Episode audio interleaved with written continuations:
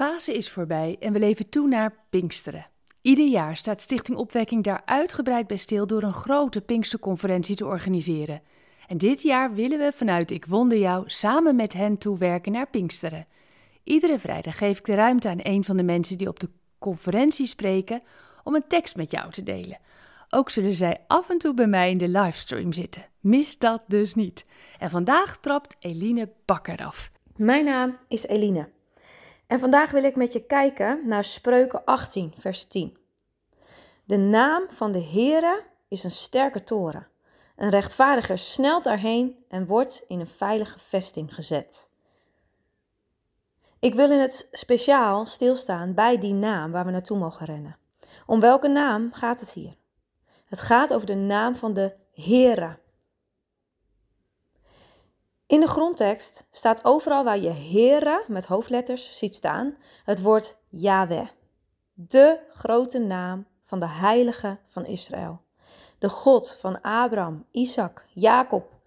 Onze God. Dat is ook de naam waarmee hij zichzelf als het ware voorstelt aan Mozes. In Exodus 34 lees je dat.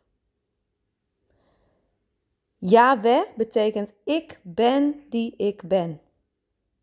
Hij is wie hij is en hij zal altijd en eeuwig zo blijven. Hij was en hij is en hij zal er altijd zijn. Het begin en het eind. Hij verandert nooit. Wat een zekerheid mogen we hierin vinden. Wat een prachtige, alleszeggende naam mogen wij aanbidden. God gaat in Exodus 34 verder met de introductie van wie hij is en hij beschrijft zijn eigen hart en karakter door zichzelf liefdevol, genadig, geduldig, trouw en waarachtig te noemen. Wat heerlijk te weten dat onze God zo is. En dan komen we nu bij de kern van wat wij als christenen geloven. Jezus is Yahweh. Jezus is die naam boven alle namen. We lezen in Filippenzen 2, vers 9 en 10 dat er één naam is die de hoogste plaats gekregen heeft. Eén naam waarvoor elke knie zal buigen. En één naam die elke tong zal beleiden als Heer. De naam van Jezus Christus. Op verschillende plekken in de Evangelie legt Jezus onmiskenbaar uit dat Hij daadwerkelijk God is. Het lijkt wel of alle puzzelstukjes op de juiste plek vallen wanneer we lezen over wie Jezus is, wat Hij deed en wat Hij onderwees.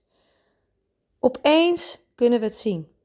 De hele Bijbel, van Genesis tot en met Openbaring, wijst naar die ene hoogste naam.